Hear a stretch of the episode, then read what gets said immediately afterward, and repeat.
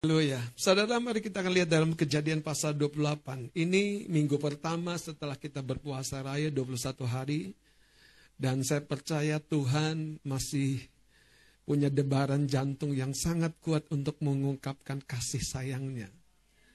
Kalau seorang teman dekat kita berulang tahun, betul nggak? Kita kepikiran kan, masa nggak kasih apa-apa gitu kan? Minggu pertama belum ngasih, aduh gimana ya? Minggu kita belum, aduh gimana ya? Saudara Tuhan itu punya mood, punya rasa sama kita, sama anak-anaknya. Cuman sekali lagi saudara, kita harus mengerti bagaimana menempatkan persepsi dan perspektif itu dalam kerangka iman kita. Karena bukan karena kita gagal, kita jatuh dalam dosa, Tuhan membenci kita loh, bukan sama sekali. Cuman ada sebuah halangan ketika kita dalam kejatuhan itu untuk dia bisa mengungkapkan kasihnya. Makanya hal pertama yang Bapak lakukan dalam Lukas 15 itu kepada anaknya si bungsu yang telah sekian lama meninggalkan rumahnya adalah apa? Memeluknya. Hal pertama, tidak diinterogasi. Hal pertama, tidak dipandangi dari atas ke bawah. Ini anak gua atau bukan ya? Ya hal yang pertama dia memeluknya. Saudara lihat kejadian pasal 28. Kita akan belajar satu tema yang memang ada dalam Alkitab. Mimpi Yakub di Betel. Nanti kita akan tahu bahwa siapa engkau di belakang itu sangat-sangat penting engkau pahami. Karena dari sananya engkau memahami apa yang terjadi hari ini. Kenapa engkau mengalami beberapa ya, beberapa hal-hal yang berbeda dengan orang lain. Sehingga ketika engkau memahami, engkau bisa mengadjust, menyesuaikan. Dan semua itu dalam hidup ini, saudara bisa disesuaikan loh menariknya. Supaya apa? Kita betul-betul diselaraskan untuk mencapai apa yang Tuhan rencanakan. Kalau tidak, saudara, bukan hidup yang sesungguhnya. Karena itu yang mandul pun akan terbuka rahimnya, melahirkan keturunan orang-orang besar. Yang lahir buta bahkan akan memiliki bola mata yang baru untuk melihat. Itu yang Yesus lakukan. Supaya pekerjaan Allah dinyatakan dalam pribadi-pribadi ini. Lihat kejadian pasal 28, mimpi Yakub di Betel. Saya akan baca dari ayat yang ke-10 ya. Bapak saudara bergantian kita baca sampai ayat yang ke-14 terlebih dahulu. Mimpi Yakub di Betel. Maka Yakub berangkat dari Berseba dan pergi ke Haran.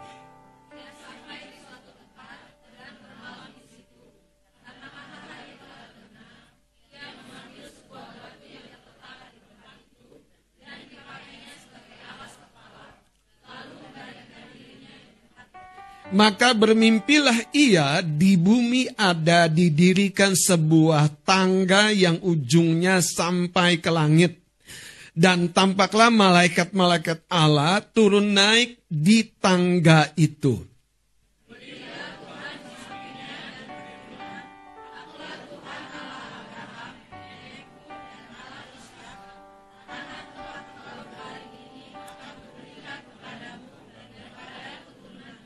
Ayat 14 sama-sama. Keturunanmu akan menjadi seperti debu tanah banyaknya. Dan kau akan mengembang ke sebelah timur, barat, utara, dan selatan. Dan olehmu serta keturunanmu, semua kaum di muka bumi akan.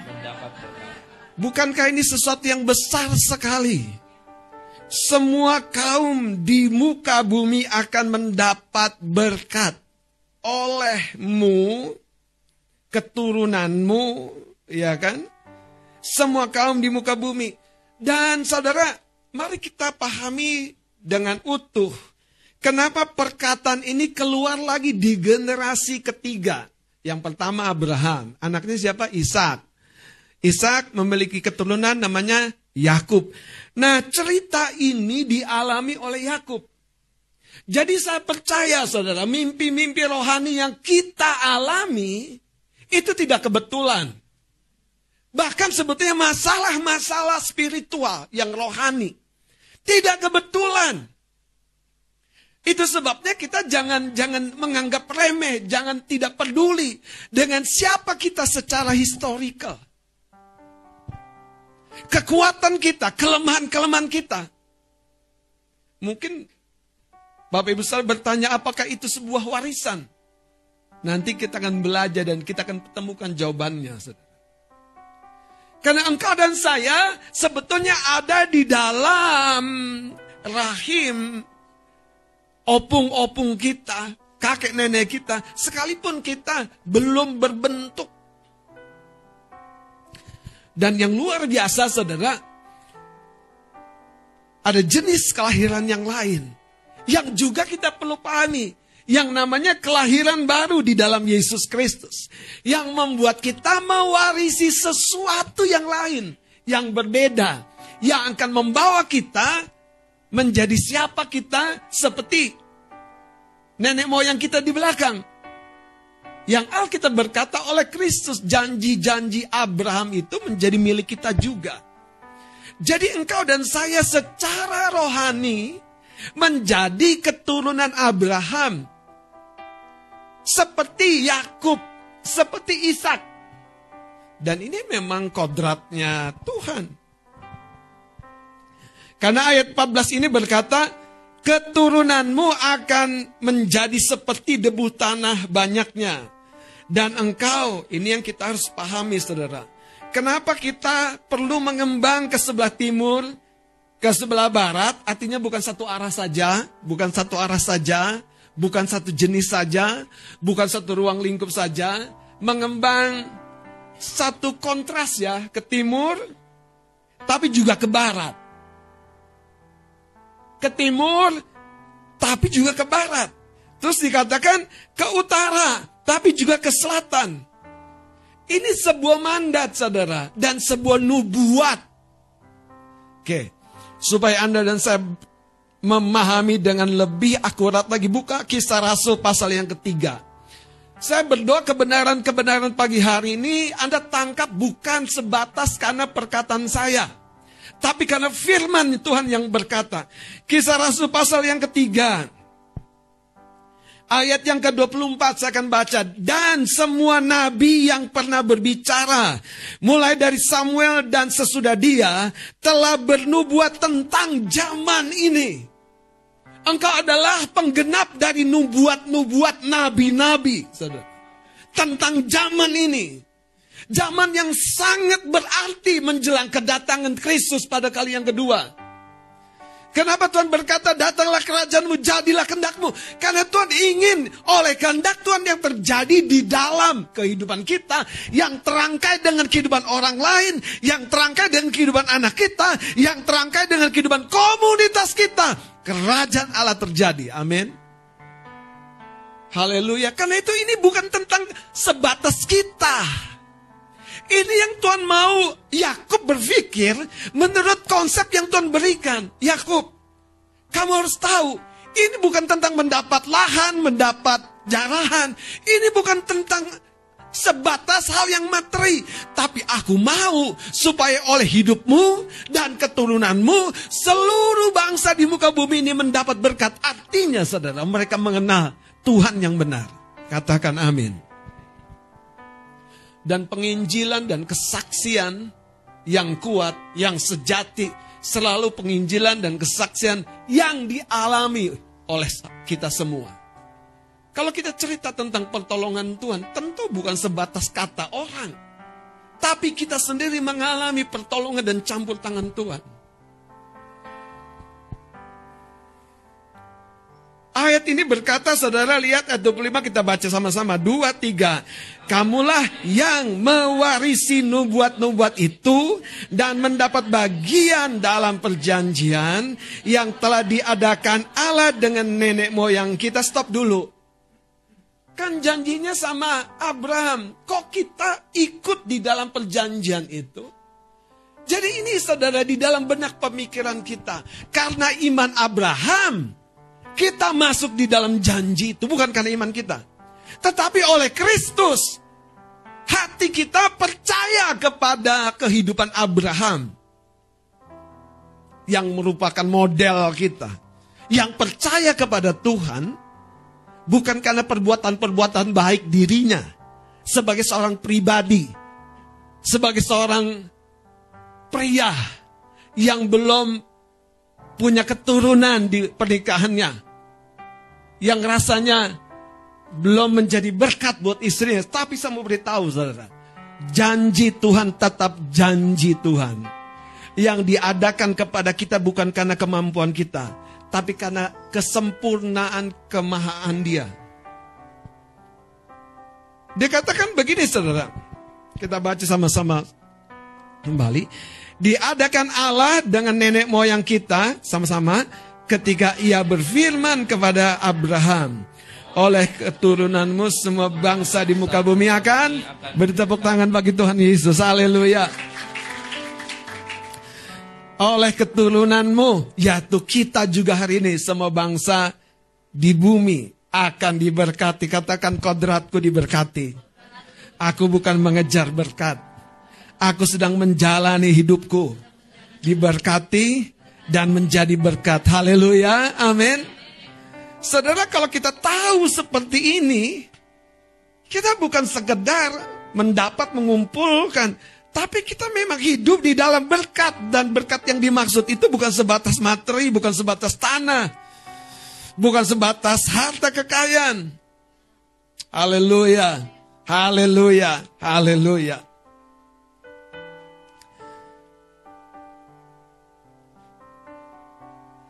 Mari kembali kepada mimpi Yakub di Betel.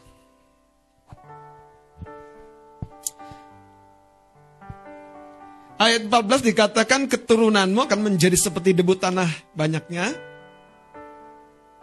Dan engkau akan mengembang ke sebelah timur, barat, utara, dan selatan. Haleluya.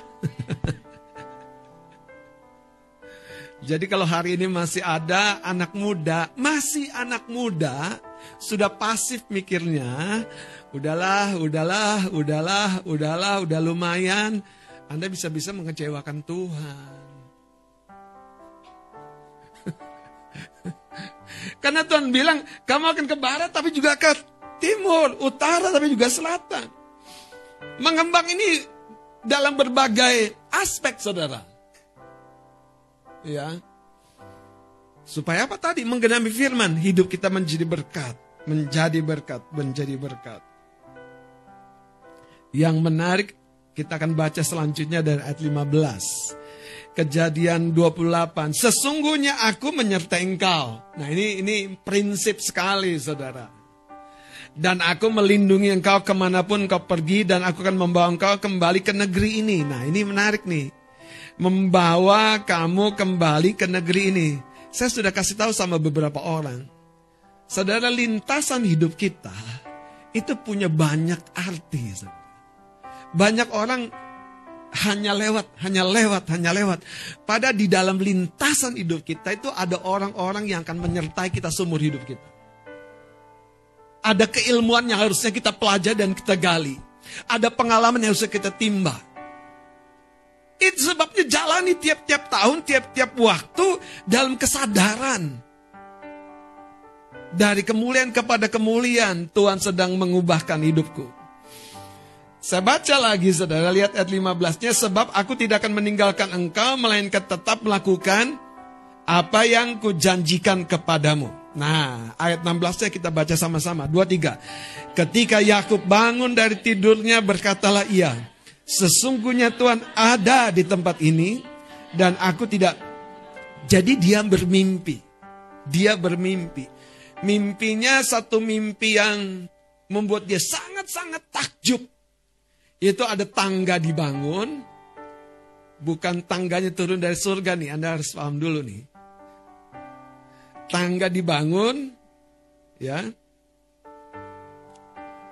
Coba kita naik ke atas saudara. Ayat 12. Maka bermimpilah ia di bumi ada didirikan sebuah tangga yang ujungnya sampai ke langit. Jadi banyak kita hanya menunggu Tuhan. Banyak kita hanya, hanya, hanya, hanya, hanya menanti dalam diam, dalam pasif kepada Tuhan. Tapi ayat ini ada didirikan sebuah tangga yang ujungnya sampai ke langit dan malaikat-malaikat Allah turun naik. Jadi ini bukan tangga yang turun. Tangga yang dibuat. Ini satu perenungan yang mendasar sekali bahwa Tuhan ingin kita secara aktif membangun sebuah keterhubungan surga dengan bumi. Nah, ini kan mimpi. Di dalam mimpi itu sebenarnya Tuhan sedang memberikan sebuah gambaran proyek di dalam hidup Yakub tentang tanah ini. Dan Yakub itu menangkap di dalam rohnya. Coba kita lihat saudara. Ayat 17-nya. Kita baca sama-sama. Dua, tiga. Ia takut dan berkata, alangkah dahsyatnya tempat ini. Ini tidak lain apa? Rumah Allah. Ini pintu gerbang sorga. Jadi ternyata saudara, tangga yang dimaksud itu adalah ketika kita bersekutu. Makin intim, makin erat. Dan kita mengalami surga yang terbuka. Dan malaikat-malaikat turun naik. Saudara malaikat-malaikat turun naik ini yang kita harus renungin lebih dalam. Malaikat itu tidak pernah bergerak tanpa sebuah komando dari tahta surgawi. Dan kalau Anda baca, malaikat itu tidak bekerja untuk kepentingan dirinya. Malaikat itu pelayan. Dia bekerja untuk kepentingan kita. Wow, dia bekerja untuk kepentingan anak-anak Abraham, yaitu pewaris janji. Karena itu Anda harus tahu ada malaikat yang sebetulnya sedang bekerja dalam hidup kita. Untuk apa? Untuk rencana Bapa terjadi dalam hidup kita. Jadi saudara adalah orang yang di backup. Katakan haleluya. Anda tidak pernah sendirian, haleluya. Anda tidak pernah sendirian, haleluya. Saya jadi ingat kesaksiannya Bang Horas. Mau disorik, mau di mana. Yang penting ada nama Tuhan bersama denganku. Malaikat surga. Itu bekerja di ladang minyak. Di mana pun engkau melangkah. Saudara, kerajaan Allah sekali lagi ini melampaui batas-batas tempat. Itu sebabnya kita harus tahu. Kita harus paham kenapa kita ada di gereja. Dan Tuhan berkata dari tempatmu berdiri ke kanan, ke kiri. Di sini kita startingnya saudara. Lanjut lihat pintu gerbang sorga. Ayat 18 dan 19 kita baca. 2, 3. Keesokan harinya mengambil batu yang dipakainya sebagai alas kepala dan, mendirikan itu menjadi tugu dan menuangi minyak menuangi minyak ke atasnya ayat 19 kita baca 2 3. Ia menamai tempat itu Betel dahulu. Haleluya. Apa mimpi-mimpi kita di tahun 2023 ini saja saudara? Bang, aku mimpiku adalah ini kerinduan hati, itu mimpi. Kerinduan hati yang berkenan, yang benar di hadapan Tuhan. Aku pengen punya rumah singgah buat anak-anak telantar. Weh, haleluya, ya kan. Aku pengen punya toko roti yang orientasinya bukan cari untung tapi jadi berkat. Ih, keren sekali. Ya Kak Yumi ya. Aku pengen jadi supplier apa namanya? Uh, wanita kesido dong. Aku mau jadi supplier baju-baju. Supaya aku bisa distribusi baju murah ke pelosok-pelosok negeri. Wah. Kenapa? Karena dia diberkati. Orientasi Anda jadi berkat. Orang minta kirimin baju bekas, aku kirim baju yang baru. Yeah.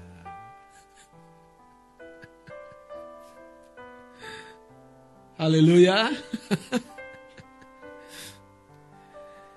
Sekarang kita fokus kepada ayat 18 dan 19 saudara. Keesokan harinya pagi-pagi Yakub mengambil batu yang dipakainya. Nah ini menarik saudara. Waktu Anda tidur. Sebetulnya kita bukan sekedar tidur dan tidak terjadi apa-apa. Justru Anda memasuki satu satu alam rohani, spiritual, satu alam roh karena itu lebih sering orang gampang diserang secara rohani waktu dia tidur. lebih sering dan gampang diserang orang itu kalau tidak berjaga waktu dia tidur. Kenapa? Karena dia pasif. Karena itu yang menarik adalah ketika mereka tertidur pun Allah bisa memberi mimpi. Apakah Tuhan tidak bisa memberi mimpi waktu dia terjaga? Bisa. Masalahnya, sisi manusiawi kita ini yang tidak beroperasi seperti itu dengan mudah. Kalau sisi manusiawi kita bisa beroperasi seperti di dalam dimensi kenabian, dia bisa lihat dengan mata terbuka, dia bisa dapat mimpi-mimpi bentuknya gambar di di di jiwanya, tentu di jiwanya ya jadi dia ngerti. Tetapi di mana? Waktu dia masih melihat terbuka dengan suara Tuhan. Nah, tidak semua orang sudah mencapai tahapan itu. Makanya waktu kita tidur sebetulnya, sisi lain dari manusiawi kita yang hebat itu sedang beroperasi.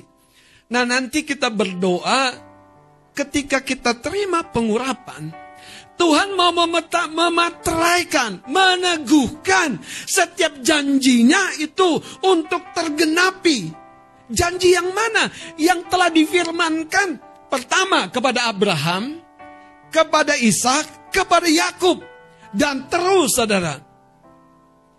Apakah urapan itu, apakah doa pengurapan itu yang akan membuat semuanya jadi? Saudara jangan salah salah menangkap itu seperti Anda diberikan tools, alat yang mumpuni, yang membuat Anda mampu menyelesaikan misi Anda. Kenapa? Salah satu nanti manifestasi urapan didoakan adalah hikmat akan bekerja di dalam kehidupan kita. Kita tahu waktu kita sakit, kita lemah, pun kita bisa tetap melakukan sesuatu Bahkan waktu kita tidak punya apa-apa, kita tahu kita punya banyak yang belum kelihatan. Itu hikmat saudara. Tidak ada orang mendukung, kita tahu. Malaikat ini yang tidak kulihat ini, eh, haleluya. Kalau Anda baca Alkitab, Anda tahu yang saya ceritakan. Itu akan menopang kita. Dan itu tidak bisa bekerja sama orang yang lemah. Bukan hanya imannya, tapi daya visualnya. Saya terjemahkan mungkin imajinasinya. Nah ini, ini imajinasi daya visual iman. Karena Tuhan ingin Yakub melihat ke depan. Ke generasi-generasi yang akan datang. Makanya Tuhan bilang gini. Kamu akan ke tempat ini lagi. Kamu akan ke tempat ini lagi. Dan tempat ini akan kuberikan kepadamu. Yang menarik saudara Lihat ayat 18-nya. Keesokan harinya pagi-pagi Yakub mengambil batu yang dipakainya sebagai alas kepala dan mendirikan itu menjadi tugu dan menuangi minyak ke atasnya. Saudara di dalam hidup kita banyak mengandung janji-janji, mimpi-mimpi, kebenaran-kebenaran yang telah kita terima dan warisi.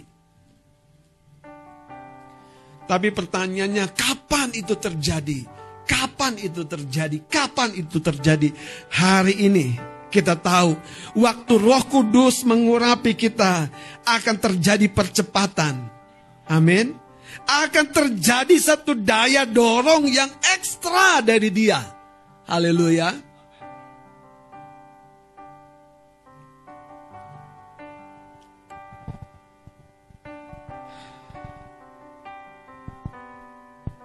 Kita lihat dalam Galatia pasal yang ketiga, ayat 7 dan 9. Mari kita bangkit berdiri, kita akan baca ayat 7 dan ayat 9. Galatia, Galatia 3 ayat 7 dan 9. Kita baca 2 3. Jadi kamu lihat bahwa mereka yang hidup dari iman, mereka itulah anak-anak Abraham. Ah, bagaimana kita menangkap ini? Dengan hati yang percaya. Jadi hidup dari iman. Terus ayat sembilannya. Jadi mereka yang hidup dari iman, merekalah yang bersama-sama dengan Abraham yang beriman itu. Jadi ternyata kita telah diberkati. Berkat yang kita terima itu didepositkan dalam hidup kita dan menunggu bereaksi dalam hidup kita dalam bentuk sebuah pekerjaan, dalam bentuk sebuah hubungan, dalam bentuk sebuah keberdampakan, dalam bentuk banyak hal, saudara. Saya mau kembali kepada cerita Abraham, Ishak, dan Yakub. Silakan duduk bagus saudara. Saya tuntaskan dari kejadian 28. Ayat 20 saudara. Lalu bernazarlah Yakub jika Allah akan menyertai dan akan melindungi aku di jalan yang kutempuh ini memberikan kepadaku roti untuk dimakan dan pakaian untuk dipakai sehingga aku selamat kembali ke rumah ayahku maka Tuhan akan menjadi Allahku Tuhan akan menjadi Allahku. Sebelumnya dia bilang Allah nenek moyangku. Tapi hari ini Tuhan akan menjadi Allahku. Ayat 22. Dan batu ini representasi mimpi.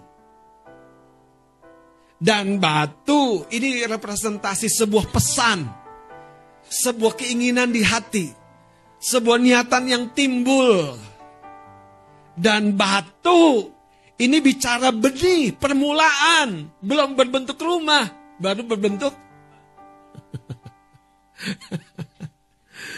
Jadi kalau Anda membayangkan sesuatu, sekalipun ketemunya batu, bayangkan rumah.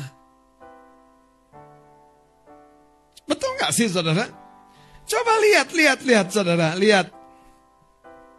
Ayat 22. Dan batu yang kudirikan sebagai tugu ini akan menjadi Wow. Yakub bukan berobsesi tentang kehebatan kemegahannya. Yakub berobsesi untuk menghadirkan Tuhan, menghadirkan Allah dalam kehidupannya. Apa yang menjadi obsesimu? Hanya sebatas diberkati. No, no, no, no itu baru tangga pertama. Tapi engkau berobsesi untuk menghadirkan Tuhan melayani jiwa-jiwa melalui kehidupan kita. Ayat ini berkata, dari segala sesuatu yang engkau berikan kepadaku, akan kupersembahkan sepersepuluh kepadamu. Itu sebabnya kalau kekristenan hari ini tidak memahami tentang korban persembahan saudara, itu sebuah ikat janji kepada Tuhan. Kembali lagi kepada iman. Nah, begini saudara. Ini saudara. Lihat. Kita lihat sekarang fokus ke ayat 19. Ini yang menarik. Ini yang menarik. Ayat 19. Yakub sudah bangun, kemudian apa? Menuangi minyak ke atas batu yang ditumpuknya itu. Haleluya. Masih mengikuti ceritanya? Ya. Belum ingin buka puasa kan?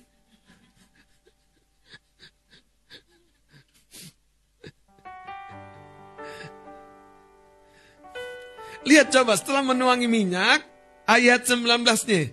Baca sama-sama. Ia Dahulu nama kota itu Luz. Kekasih-kekasih Tuhan, nama itu signifikan sekali punya makna, punya pesan. Anda mau menamai mimpi Anda itu apa? Jodohku bang, nah, boleh juga. Tapi kalau cuma itu terlalu kecil, haleluya. Pangeranku bang, eh hati-hati saudara. Nanti dia bilang, eh ajudanku. Oh, salah kita, haleluya. Kita mau namai apa saudara? Anda bermimpi tentang sebuah bisnis. Mau menamai apa? Itu yang saya bilang. Lewat hidup kita, kita akan jadi berkat. Ini tentang Tuhan dipermuliakan. Anda mau kasih nama apa tentang mimpimu? Mau punya rumah? Ah, biarlah rumahku menjadi seperti rumah Mas Adi dengan Kani. Jadi tempat anak-anak muda diberi. It's okay, saudara. It's okay. Kenapa tidak? Undang jiwa-jiwa yang tidak punya rumah singgah di rumah. Sampai mereka bilang, Coba nanti aku punya rumah seperti ini bahkan lebih lagi. Kenapa tidak? Sekali lagi, ini bukan tentang yang materinya, ini tentang Tuhan hadir. Makanya waktu Yakub dapat mimpi itu dia namai. Dia namai apa? Dia namai apa? Battle. Mau bentuknya sesosok pria namai, ini battleku. Mau bentuknya sesosok wanita, ini battleku. Ketemu dia, aku akan lebih dekat lagi dengan Tuhan. Mau Anda membayangkan sebuah rumah, nah ini battleku. Di sini akan ada orang-orang yang menyembah. Aku dan sisi rumahku akan melayani Tuhan. Mau Anda lihat sebuah bisnis, nah ini battleku, battleku, battleku. Mau waktu sekarang, lagi aku mimpi namanya Luz. Tapi Tuhan akan membawa aku kembali ke tempat ini. Makanya saudara hidup kita tuh historical, jangan jangan delete. Karena di situ nanti Anda lihat semua putarannya, putarannya, putarannya. Tapi bukan putaran mundur loh, putaran maju, putaran maju, putaran maju. Anda paham nggak? Kalau Anda mulai memahami gini saudara, Anda bisa begitu maju ke depan seiring Anda menyelesaikan yang di belakang, menyelesaikan yang di belakang. Kalau tidak menyelesaikan sadar histori-histori yang luka di hatimu, yang kacau di hatimu, yang membuat Anda menjadi KO, knockdown di hatimu. Kalau lihat seseorang, aduh, udah langsung tensi tinggi. Darah drop. Kolesterol naik. Wah, itu cilaka, haleluya. Salami kanan kiri, saya kira kamu nggak begitu.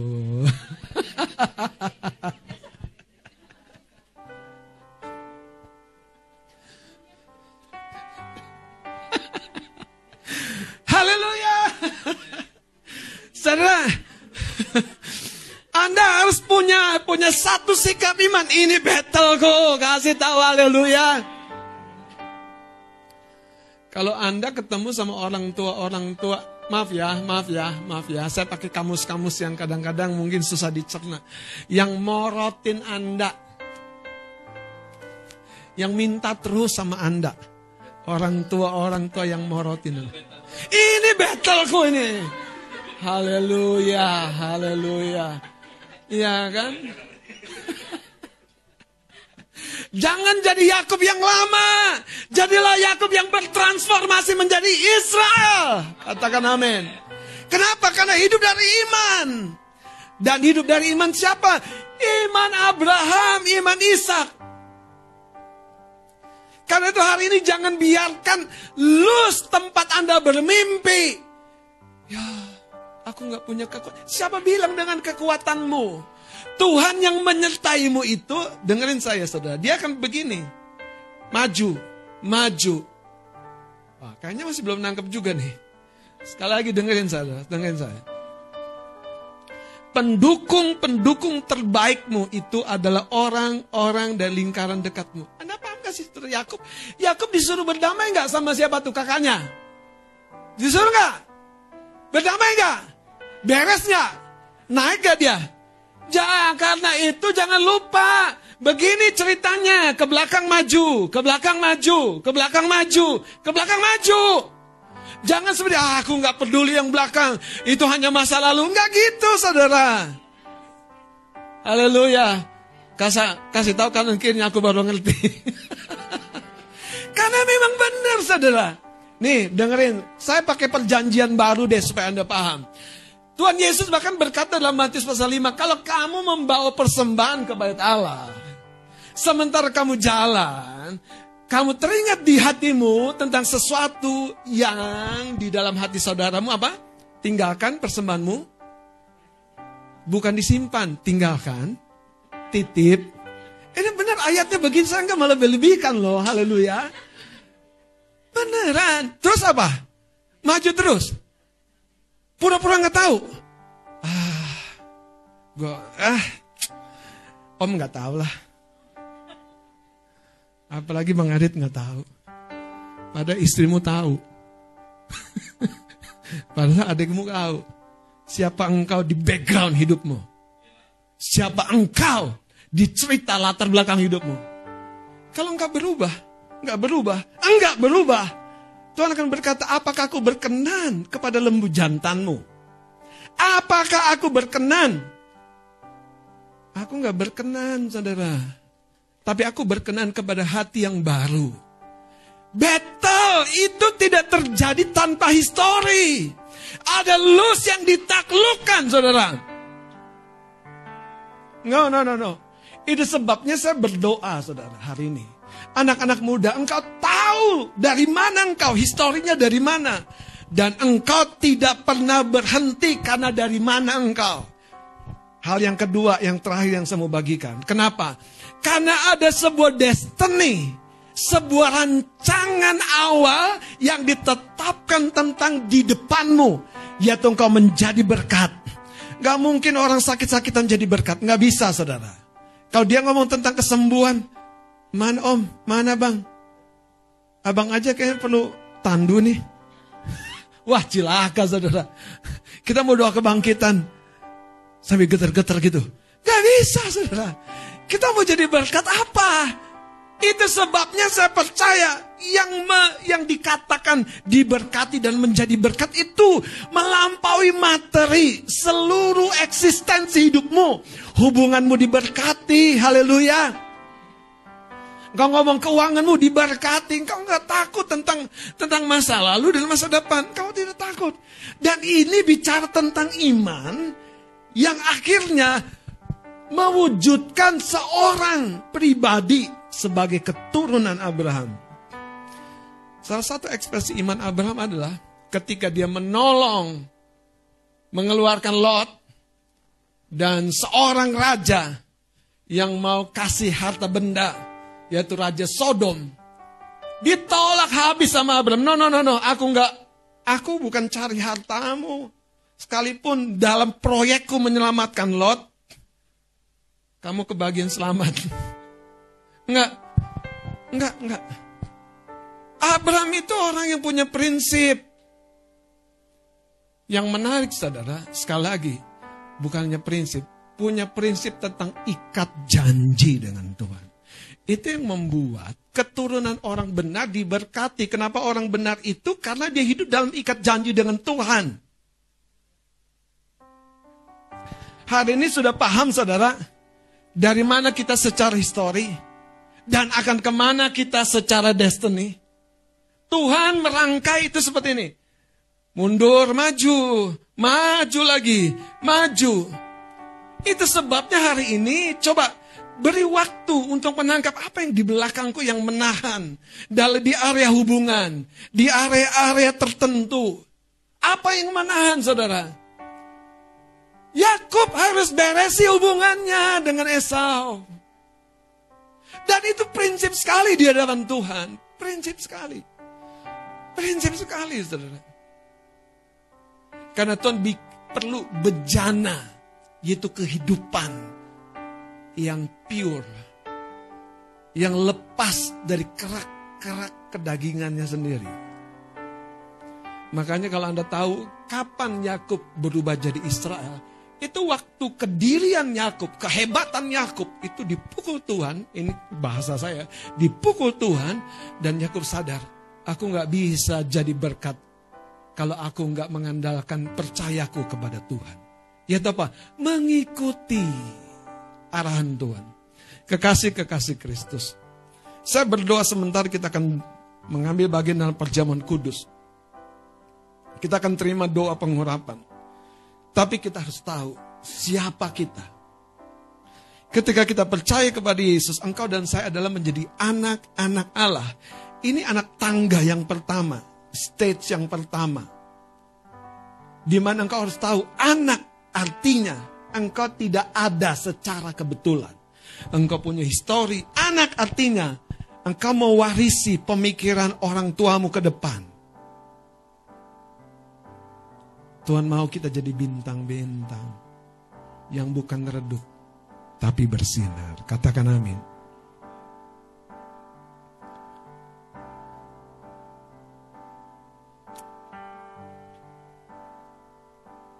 Hari ini saudara,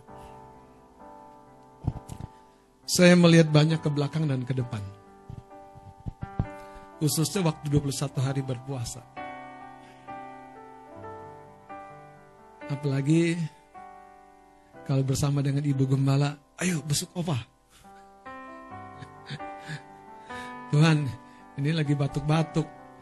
Mana ya caranya ya? Ya udahlah. Aku ikut tapi aku harus ngerti porsiku.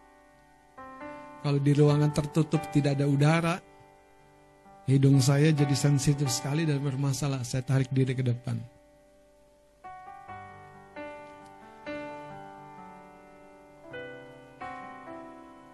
Dalam hati saya, saudara, Tuhan, firman dan janjimu ya dan amin tentang kuasa kesembuhan. Sekalipun terkadang tergoda di hati ini bertanya, di mana? Ini yang saya mau terangkan. Pada setiap DNA manusia rohani kita, ada yang namanya benih. Kejadian-kejadian proses kita melangkah, jalan-jalan yang kita tempuh, masalah-masalah yang terjadi, sebetulnya sebuah pesan. Sekaligus, sekaligus sebuah training Daud di training di padang pengembalannya. Jadi seorang gembala sebuah bangsa yang besar. Daud di training jadi warrior dalam bentuk benih. Kalahkan singa dan beruang. Mengalahkan Goliat dan pasukan Filistin yang besar. Saya percaya saudara, benih itu butuh berproses.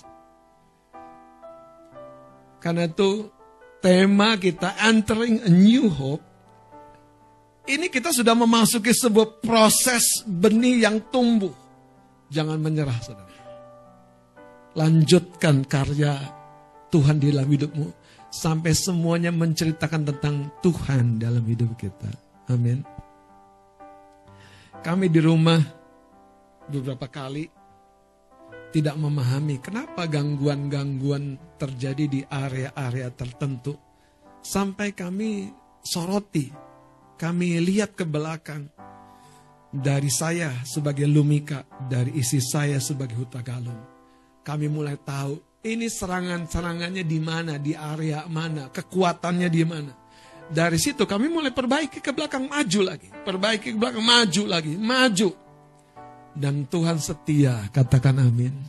Itu sebabnya Yakub menuangi minyak kepada batu yang menjadi rumah Allah.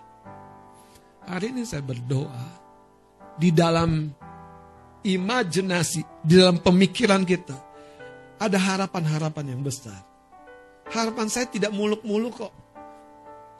Saya doain orang sakit sembuh, nggak muluk-muluk. Itu nggak muluk banget, betulan saudara.